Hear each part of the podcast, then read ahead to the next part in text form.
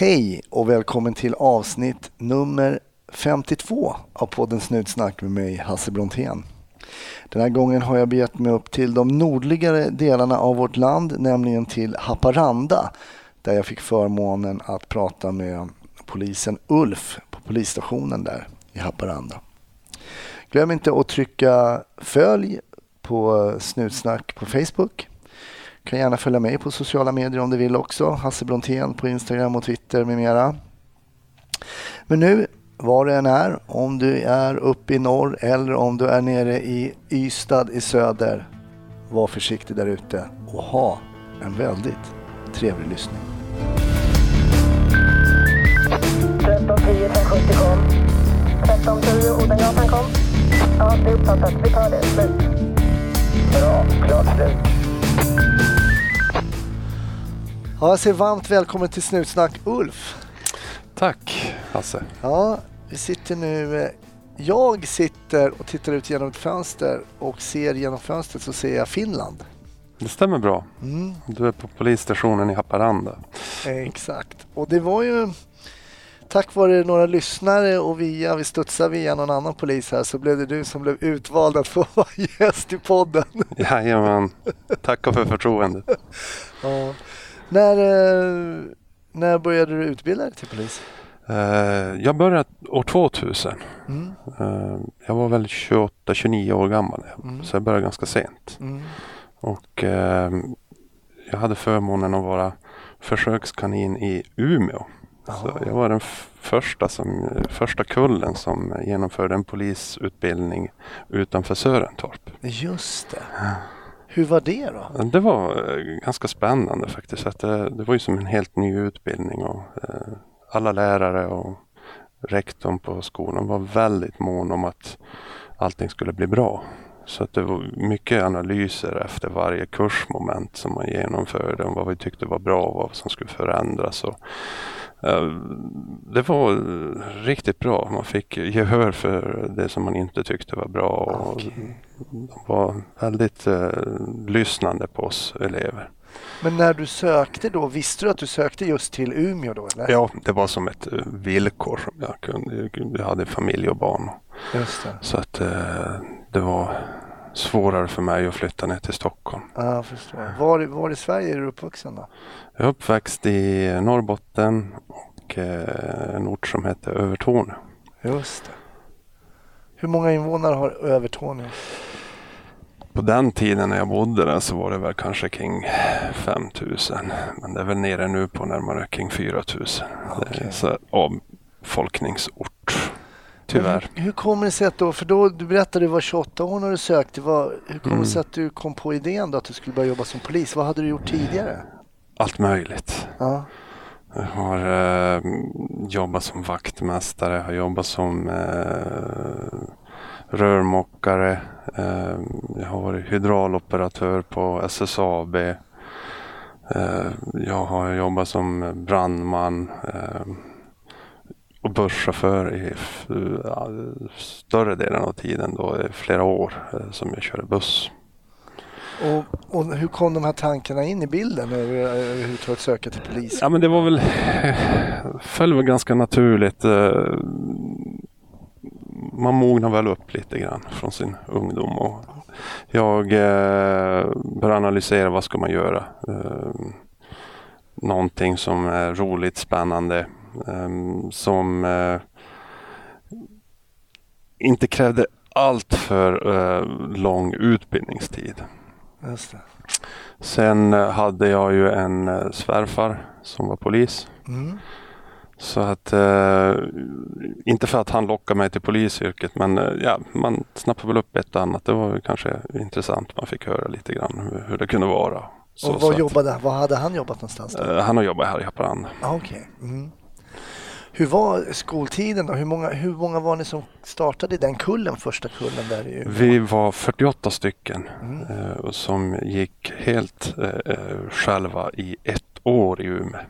Okej. Före var som uppstarten då så att eh, när vi började termin tre så då kom först eh, ja, de, den nästa kull som började på. Då, så, att, så att det var Det var eh, stora lokaler. Eh, en del var ju inte färdigställda men när vi började. Det var som i uppstarten där. Men eh, det var, det var bra.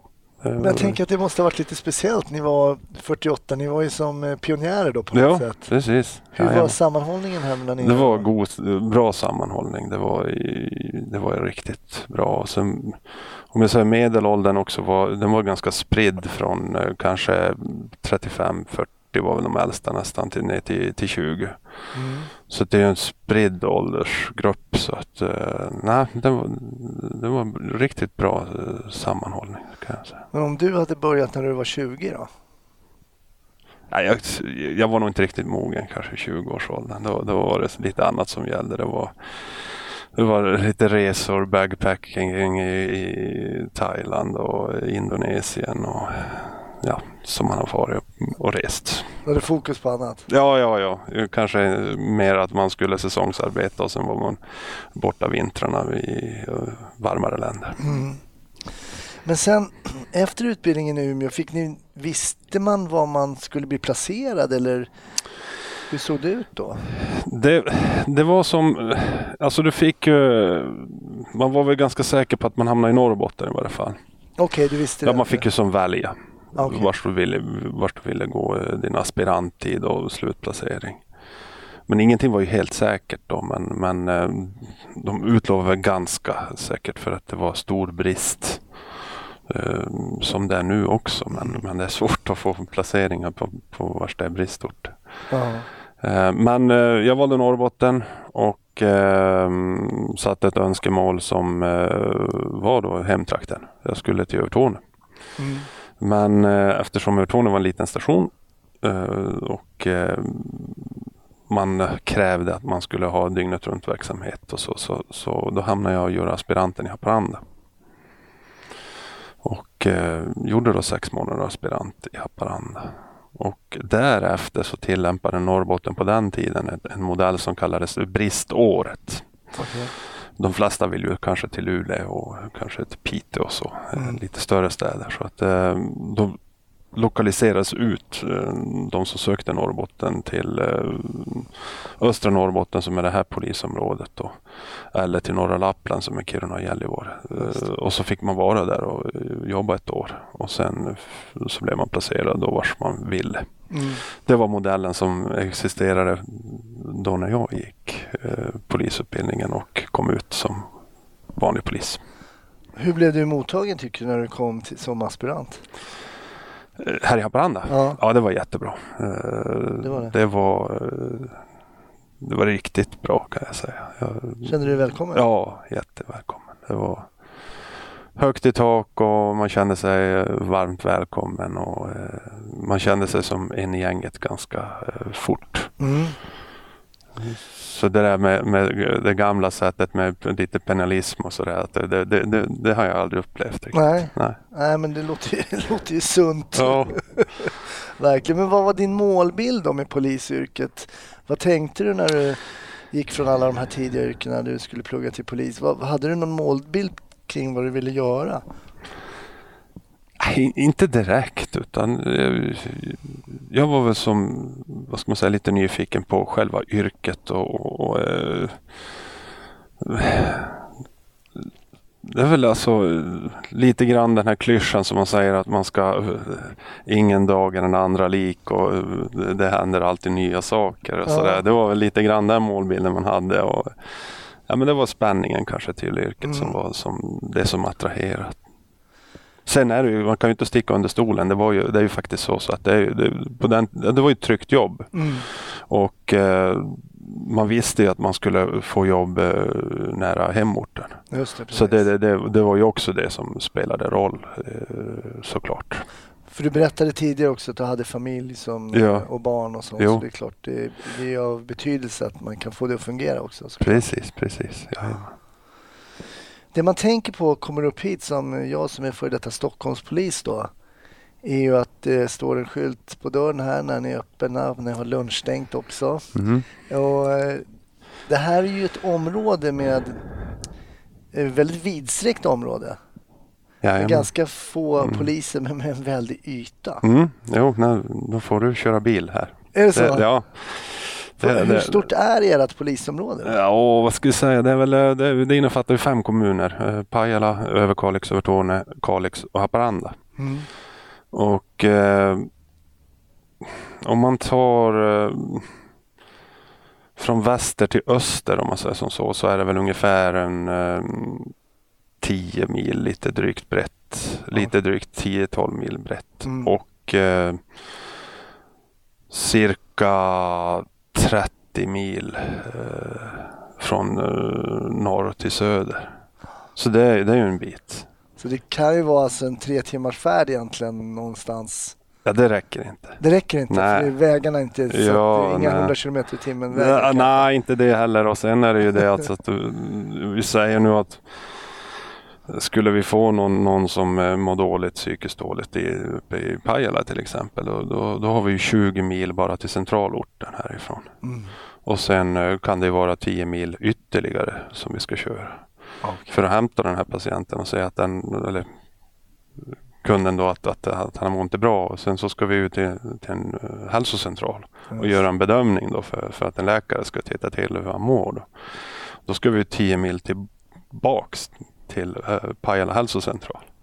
Och där har de ingen eh, psykiatri. Så att eh, läkaren gör ju bara en bedömning och då måste man köra eh, patienten då till Gällivare.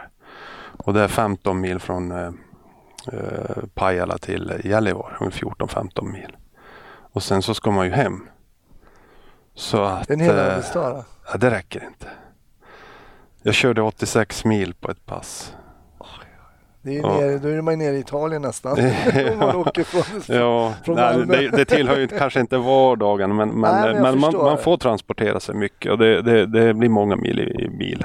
Det blir det. Och, eh, men det visar också, det exempel, det exempel som du drar nu visar ju också att ett ganska citat enkelt ärende då, om man säger. Mm. För det är väl ändå ett rutinärende för en polispatrull i hela landet att kanske hjälpa till med en transport av någon som mår dåligt eller Mm, något jo, liknande. det är väldigt vanligt. Ja.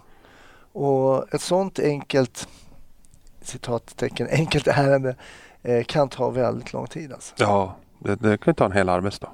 Det, till skillnad från en- en centralort som eh, inte är så stor då, som har alla sina eh, vad ska man säga, Vårdcentraler vårdcentral, hälsocentraler, eh, psykiatri och allting. Så att, för dem kanske det tar en timme Mm. max.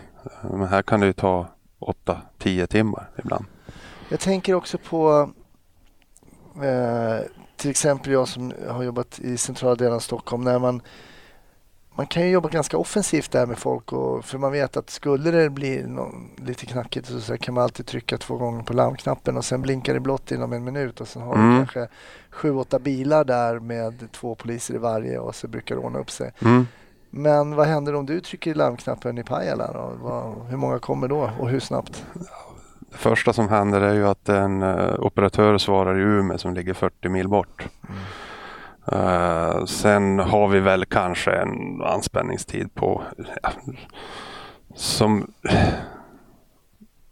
vad ska jag säga, det, det, det, det är olika för olika dagar men, men vi säger som nu den här helgen skulle det vara ungefär en och en halv timme bort. Mm. Eh, vi är eh, ensam patrull i området. Så att, men det men, måste- men eh, normalt sett så kanske en halvtimme till en timme ungefär. Jag tänker det måste ju också påverka sättet eh, i ens yrkesroll och i ett sätt att agera mot människor. För det måste man väl ändå ha i bakhuvudet att det finns ingen backup. Nej, det finns det inte. Och då agerar man väl på ett annat sätt om, eh, än om man vet att det finns backup.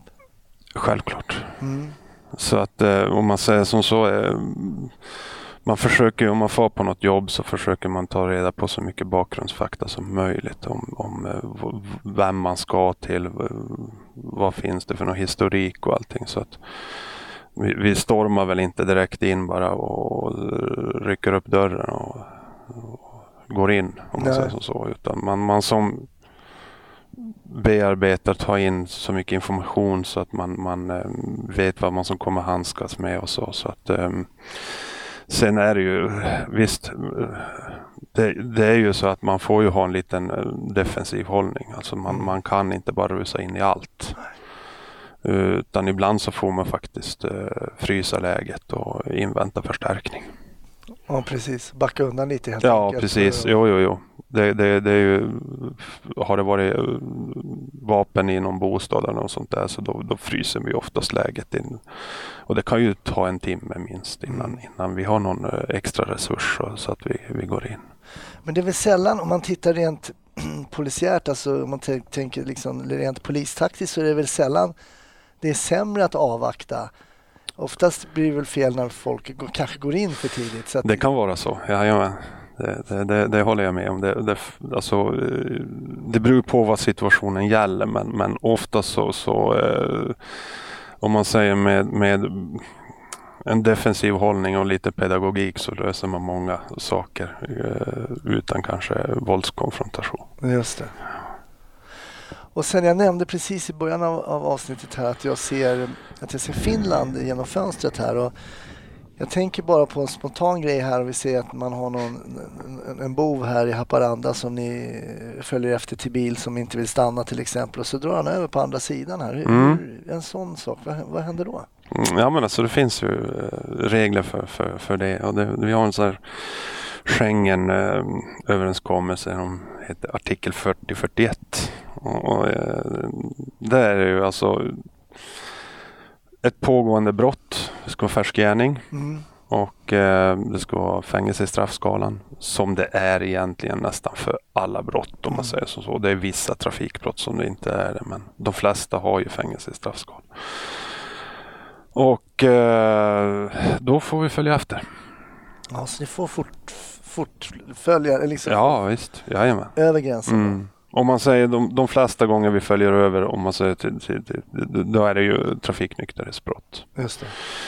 Eh, folk vägrar stanna. Vi, vi har fått in tips om att det är um, alkoholpåverkade förare som framför fordon eller att vi försöker att stoppa en, eh, ett fordon och den framförs på ett vingligt och konstigt sätt så att vi misstänker att det här kan inte vara riktigt okej. att vi misstänker att han kanske är berusad. Vi får ju till exempel inte kanske följa efter bara på, på godtycklighet. Alltså Nej. vi, då, då, då, där går ju gränsen. Ja precis, det tecken, ska vara liksom. konkreta eh, omständigheter för att Just det. det ska vara upp mot en skälig misstanke om man säger som så. Hur, vad har ni för, ehm, för kontakt med den finska, era finska kollegor på andra sidan? Har ni något samarbete? Ja, vi har, vi har ju börjat utveckla ett samarbete här. Men om vi backar tillbaks till just Mm. den här Schengen efterföljande då, då, då är det ju så att vi ropar upp precis som ett vanligt eh, förföljande som det heter nu för tiden. Mm.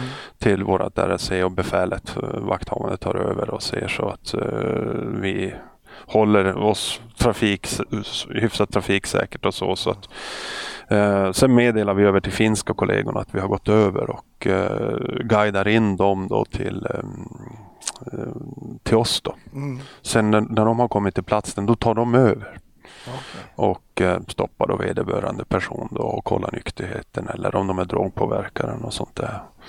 Och så blir det ju då, eh, det kan ju bli att de blir rapporterade för brott på båda sidor om gränsen. Det kan vara vårdslöshet i trafiken innan han har, när han har kört i Sverige. Det. Men det blir ju det trafik, nykterhetsbrottet blir ju på den sidan vars han blir stoppad. Mm. Så, så, eh, så brukar det funka. Och det brukar vi tillämpa ganska ofta. De här. Så man, man kan få en bot både från finska och... Ja, de brukar ju köra ihop de här. De gör det, alltså, ja. precis. Så att, så att då, då brukar tingsrätten eh, lotta över det till Finland. Så att, Ja, då, okej. det beror på också lite grann omständigheterna och vad det är för person. och Så, så. Du sa att ni har börjat inleda någon form av samarbete. Jo, Vad, vad, vad, är, det, har, är det också Alltså, det har- det har ju- Schengen- är det Schengen-relaterat? jag, jag kan säga så här. Det har, det har pågått eh, olika, eh, vad ska man säga, studier och, och, och eh, projekt.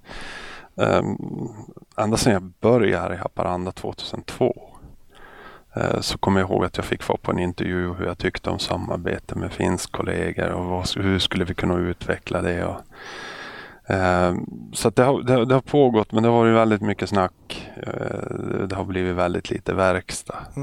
Eh, Men var, de senaste åren så har det börjat bli lite verkstad. Och eh, vi har börjat med ett gemensamt eh, projekt där vi lär oss. Vi har, I ett års tid har vi hållit på eh, med ett projekt som kallas Joint Patrol. Mm. Alltså att vi är tillsammans då, finsk och svensk polis. Så vi har eh, fått eh, en utbildning i finsk lagstiftning och kolla på skillnaderna. Kolla på hur finsk polis agerar, hur de använder nödvärnsrätten och eh, laga befogenhet och sånt där. Så att, eh, lagstiftningsmässigt så skiljer, skiljer det inte sig så, så mycket mellan Sverige och Finland. Eh, Ja, det är så. Det var speciellt hur du reagerade på Nej, det. de har väl lite andra eh, sätt när de eh, agerar mot brottslingar. Okej. De tillämpar ju mycket mer laga befogenhet till exempel om det är något sånt. Så Okej. då, då, då eh, använder de, vad ska man säga, maktmedel som de kallar det för Ah. i ett mycket tidigare skede istället för att det ska gå till en eh, nödvärnssituation.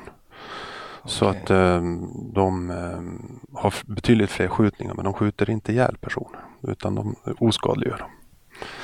Ja, okej. Så att, eh, Och de med stöd av laga befogenhet Ja, och precis. inte att det ska bli någon form av hotfull situation. Precis, jajamän. Ja, Ja. okej, okej, Så att okej. eh, kom, går det så långt så att det går till en nödvärnssituation då anser de att de har misslyckats.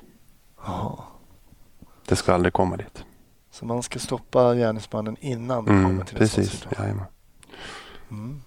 Ja, men det är lite det, det var en jättestor skillnad mot vad, vad vi har nästan. Att I Sverige tillämpas inte laga befogenheter nästan alls. Nej, och det har väl varit, jag kommer ihåg när man studerade det, att det fanns ju knappt exempel på eh, när det skulle, man skulle kunna skjuta till exempel Nej. i stöd av laga befogenhet. Precis. Ja. Nej, utan fi- finsk polis de eh, använder den på ett helt, helt annat sätt. Och eh, ja, det, det, det, de har väldigt få dödsskjutningar i Finland. Om vi ska förklara för lyssnarna som inte jobbar som polis eller insatta i lagstiftning. Om man pratar om laga befogenhet, vi säger så här, skjuta i laga befogenhet. Eh, hur skulle du beskriva det? Oj. Måste För nödvärn tror jag de flesta... eh, Ja men alltså det, det, det ska ju vara en...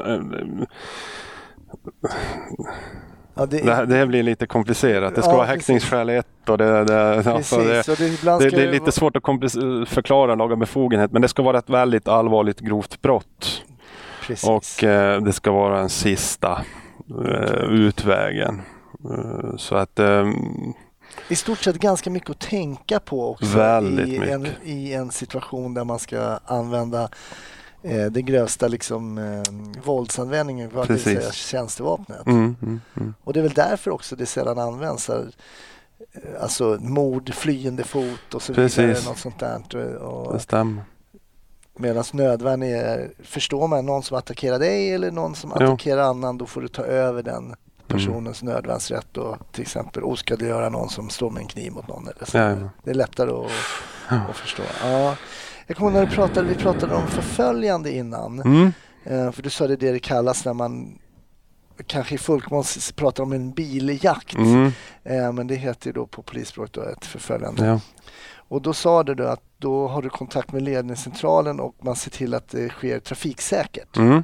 Jajamän. Vi rapporterar in trafikintensiteten, hastigheter Exakt. och, och eh, vederbörandes eh, färd, hur han uppträder och så. Så att det, det, sker ju hela tiden en prövning. Precis. Och eh, det är ju vårt befäl då, som sitter i Umeå då, som har det övergripande ska jag säga, arbetsmiljöansvaret. Och tar också beslutet Ja, precis. Ja. om ni får fortsätta det här förföljandet. Precis, då. jajamän. Vi, Eller- ytterst är det ju vi som prövar det själv också. Vi, vi anser att nej, det här är för farligt. Det får vi ofta göra, Ja, att vi bryter det. Men eh, han finns där som en backup för att också ta besluten. Att, så att vi inte blir stridslystna. Nej, precis. Och det här är väl en känsla som jag tror många poliser, inklusive mig själv när jag jobbar som polis, att man bara åh, när de säger bryt Mm. eh, på radion, att vi inte längre får följa efter den här bilen då, därför att kanske att trafikens intensitet är för hög och det finns risk att eh, tredje part blir inblandad, kanske påkörd eller eh, i värsta fall dödad av den här personen som vi Precis. jagar. Och det är kanske inte många som känner till det, att det inte är polismännen alltid i bilen som tar beslutet, utan ibland gör man som du säger, tar beslutet i bilen, det här är för farligt, man backar hem, men ibland säger också ledningscentralen bryt. Ja, Och då måste man bryta. jajamän. Så att, eh, men det, är- det är någonting som man, som man lär sig. Alltså man ska ju inte sätta prestige i någonting utan Nej. Eh, jag vet inte hur många, det är otaliga gånger som jag har fått, eh, vad ska man säga, den här i dagliga munnen, biljakt. Ja, det. Och eh, man säger ju själv att det, det, här, går, det, här, går, det här går inte bra, då, då bryter man direkt. ja.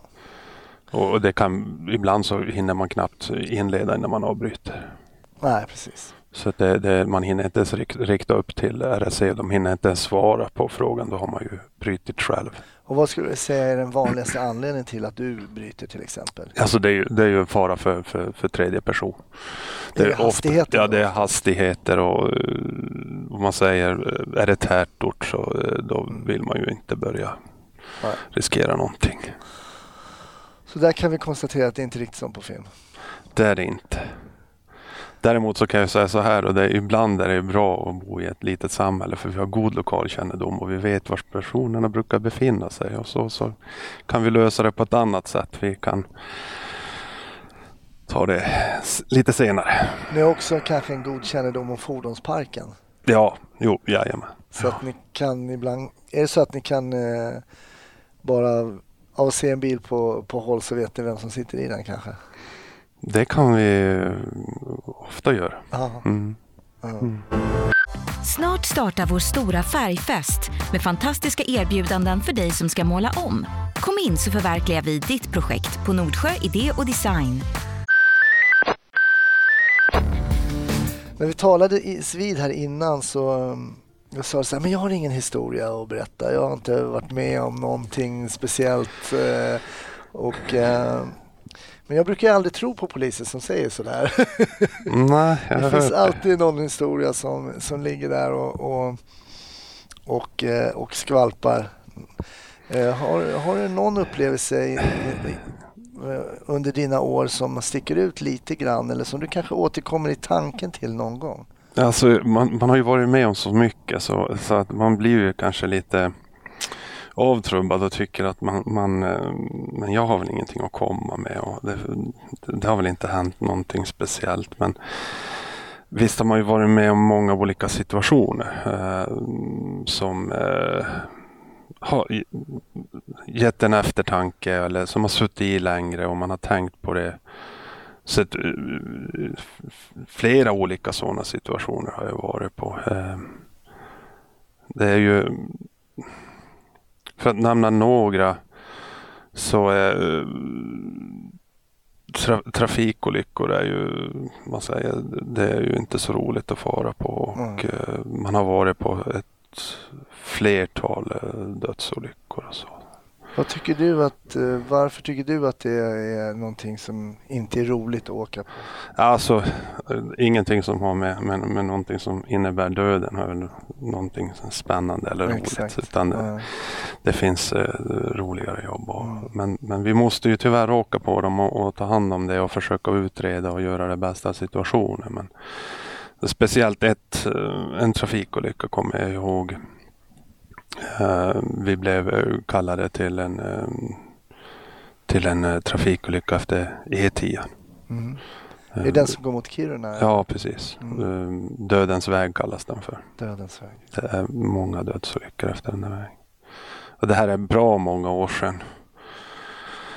Och eh, vi åker dit. Vi är tre kollegor. Eh, så att eh, vi var tre i polisbilen när vi åkte Mm. dit. Det var, vi jobbade natt. Vad var det för årstid? Eh, det var höst, mörkt eh, ute. Det regnade lite grann och vi fick in som en eh, allvarlig trafikolycka. Så eh, vi dundrade ju iväg dit och Hur lång hade- framkörning hade ni då? mm, ungefär nästan 10 mil. Ja.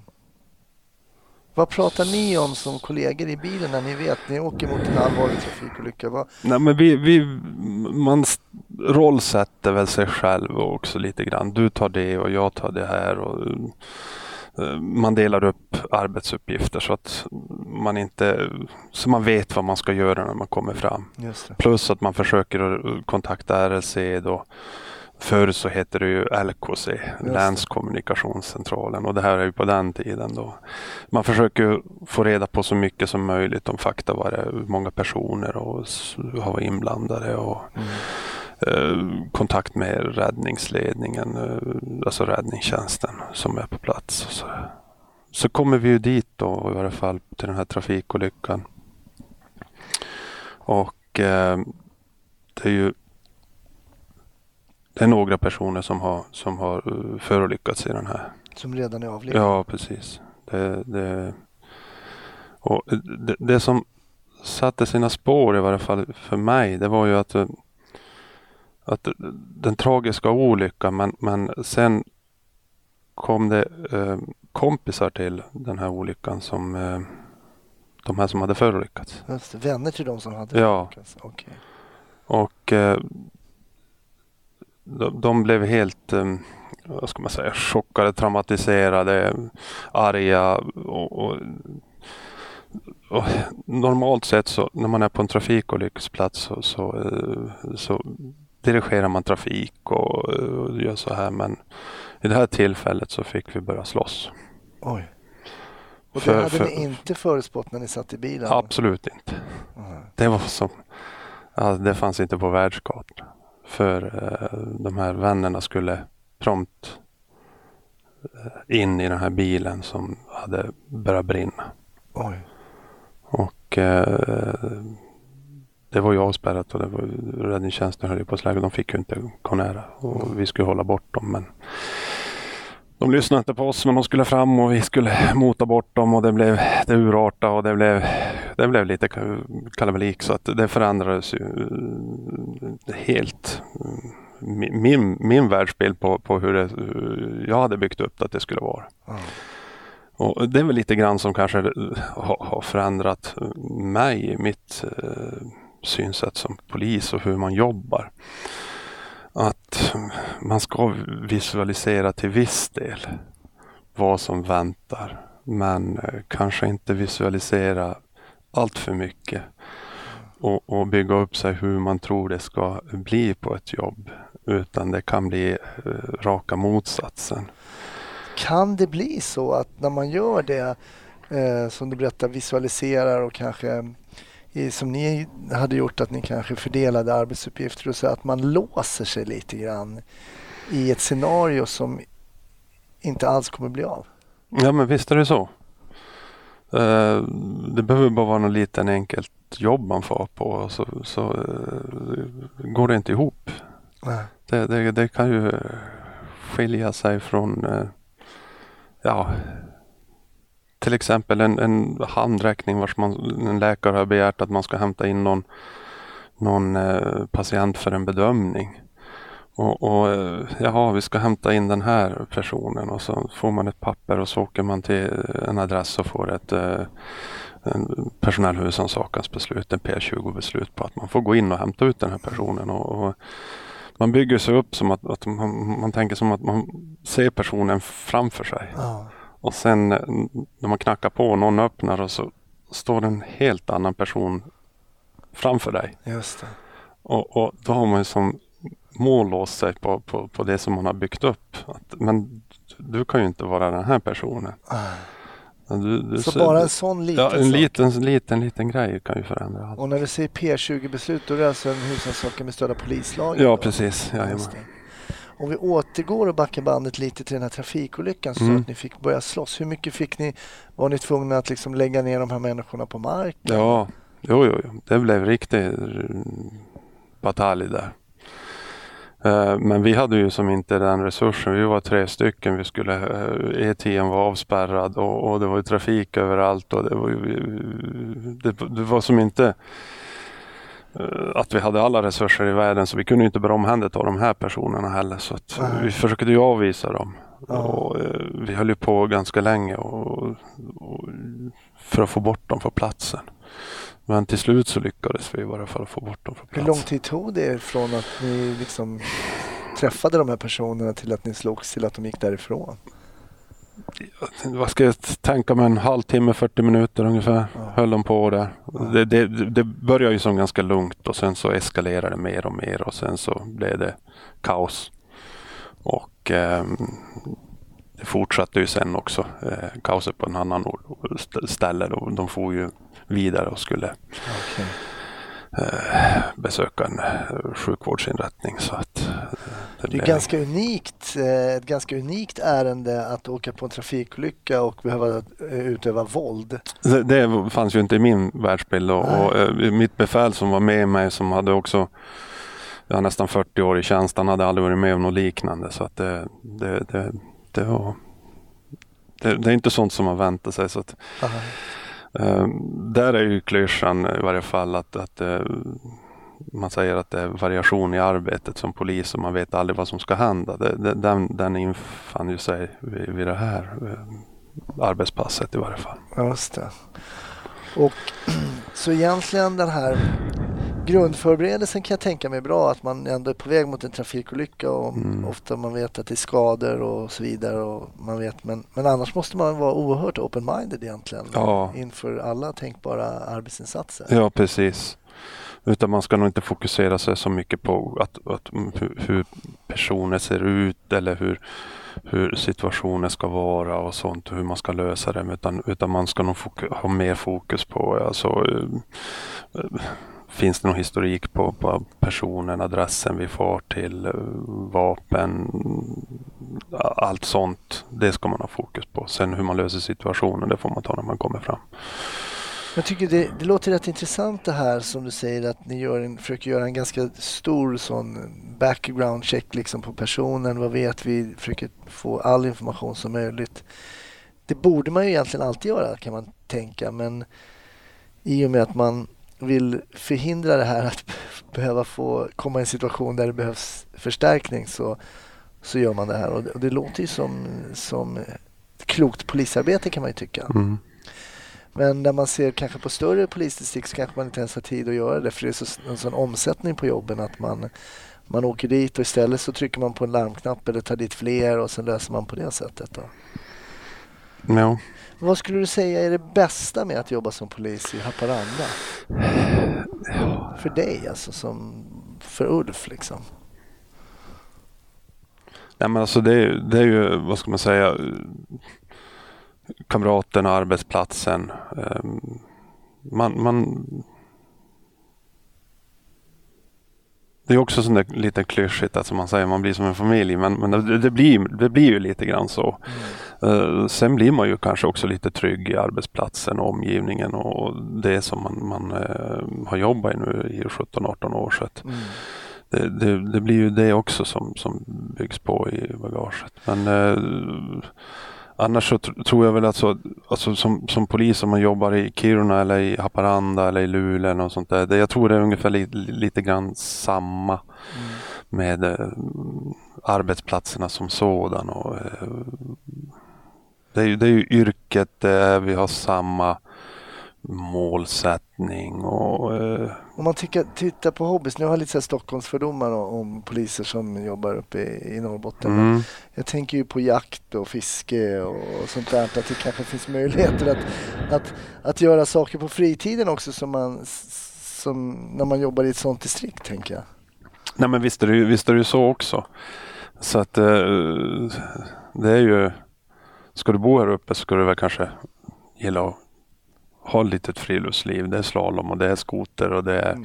kanske vanliga skidor och sådär. Så att det, eh, det finns ju alltid fiskejakt. Ja. Det, är väl som en naturlig del i, i det, det, sociala livet här uppe. Ja. Som så. Vi träffade ju en smålänning i, i korridoren här nere. Ja, precis. Det, det, är inte bara norrbottningar här. Nej, nej, nej, nej men det är ju kärleken som som för, för, för, det, för, för dem precis. Men är han accepterad som eh, helt vanlig polis här på stationen? Ja, lite grann. det börjar ta sig. ja, nej, men han, han, Per fungerar bra. Ja, vad bra. Du nämnde också innan här, vi tog en, en kopp kaffe innan, att ni har börjat jobba på ett litet nytt sätt här mm. uppe mm. eh, som lät lite spännande. Berätta lite kortfattat om det. Alltså det, det, är en ny lagstiftning som har trätt i kraft där vars eh, eh det, kallas äh, artikel äh, 17, eller nej, Prym 17. Vad står Prym för?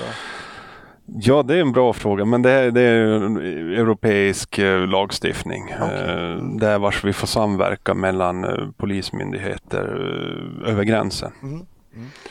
Eh, förut så har vi bara fått tillämpa det här när vi har fått vara över gränsen. Det är ju att vi har eh, pågående brott i exempelvis Sverige och den, vi säger ett rattfylleriärende kör över till Finland. Då får vi över, få- fara över till Finland men alla, aldrig annars. Men enligt ny då, eh, det här Prüm-beslutet så eh, då får vi eh, samverka på eh, vi kan begära, Sveriges polismyndighet kan begära hjälp av Finland. Och eh, det ska vara en, ett eh, avgränsat område. Eh, en bestämd tid. Och eh, bestämd resurs. Eh, då får finsk polis komma och jobba med oss på svensk sida. Okej. Som eh, Under svenskt befäl? då? under svensk befäl som eh, poliser och ha, ha alla befogenheter som en polis har. Okej. Och eh, vi har tillämpat det nu vid några, några tillfällen och eh, det har varit jättegivande och eh, roligt att jobba tillsammans med eh, finsk polis då. Eh, så att eh, det, det, vi, jag kan säga så här, för Haparandas del, ni som inte känner till det, det vi är ju ihopväxta med Torne. Mm. Och, och Torne har ju 25 000 invånare och Haparanda har 10 000 invånare. Så, så eh, de problem som finns på finsk sida har vi på svensk sida och Mm. de som vi har på svensk sida har de på finsk sida. Så att det är jättebra att man får ihop eh, samma målbild och kan jobba mot, eh, mot problemen som finns i samhället tillsammans. För Det- ni är lite ihopvuxna här. Ja, här. Det är Precis. inte Klarsson gränsstation och sen... Nej. Och det är ju någonting som vi har haft avsaknad. Den är väl inte ännu i hamn men det är ju till exempel att vi pratade tidigare om att om vi trycker på larmknappen hur lång, lång tid får vi förstärkning? Mm. Och, och, eh, ibland så får förstärkningen komma då från Luleå som är 12-13 mil bort. Men eh, vi kan ha en finsk patrull eh, på en minuts avstånd. Just det. Men de får inte komma och hjälpa oss. Och det håller ju på att luckras upp nu och det är ju någonting som vi ser fram emot att vi kan hjälpa varandra när, vi, när det väl behövs. Ja, det låter ju som en vettig tanke. Ja, precis. Så att det, det, det är ju A och O om man säger som så. Mm. Dels för oss och dels för, för medborgarna också att, att eh, det, det finns hjälp Mm. nära. Jobbar du kvar här om fem år? Ja, det törs jag inte säga. Jag kan inte säga någonting. Man brukar få den där frågan när man sitter med, med chefen i samtal. Vad gör du om tre år? Ja, det. Och eh, det vet jag faktiskt inte. Eh, Det, allting är öppet. Vi får se vars eh, framtiden bär av. Det, det kan bli vad, vad som helst. Men jag tror nog att jag är polis i varje fall. Ja, det I, det. i, I någon form i varje fall. Du har inga tankar på att lägga brickan på hyllan? Nej, eh, jag, jag tycker faktiskt att den här debatten om att, att um, poliser, att det, ja, det är svårrekryterat och uh, vi blir färre och färre och missämjan som finns inom polisen. Visst, visst finns det väl problem men, men jag, jag tycker faktiskt att, att de positiva bitarna är klart övervägande. Uh, Så att det, det, det är någonting som jag aldrig har fått i tanken att byta banan. Jag har provat så många andra yrken innan jag blev polis så jag vet lite grann hur det är att vara på Andra jobb? ja, andra jobb. Ja, precis. Eh, Det är faktiskt ett bra jobb som jag skulle rekommendera till många. Ja, intressant. Jag brukar alltid runda av podden och fråga mina kära polisgäster vad de tycker om eh, polisserier. Eh, kollar du på eh, några serier eller på någon polis? Vad tycker du om poli- svenska polisfilmer till exempel? Ja, svenska polisfilmer, ja men de, de är väl bra, eh, spännande men eftersom man själv är polis så brukar de ju inte vara kanske sådär man får bara se action men, men den polisiära vardagen består ju mycket av att sitta framför en dator och skriva och det brukar man ju all, oftast klippa bort. så, och så att, Det kan eh, man säga att de gör. Så att, eh, men det är klart, det skulle inte bli så mycket action om man, om man skulle klippa ihop en, en vanlig polisvardag. Eh, För det, det är otroligt mycket vi får sitta med pappersarbete. Eh, men visst,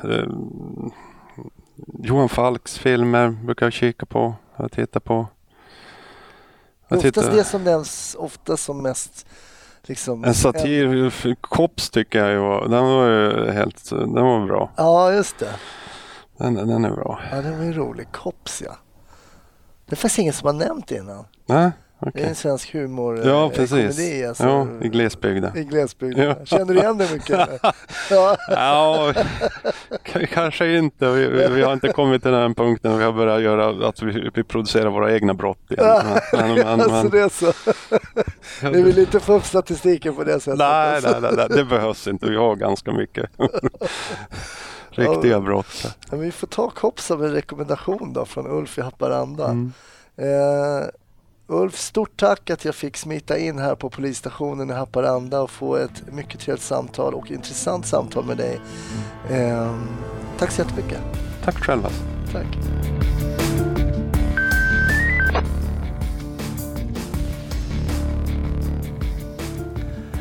Tack! Du har lyssnat på ett avsnitt av Snutsnack med mig Hasse Brontén.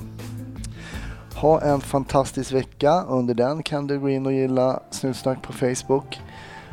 Och bara ha det bra så hoppas jag att vi hörs i nästa. Ha det fint. Hej!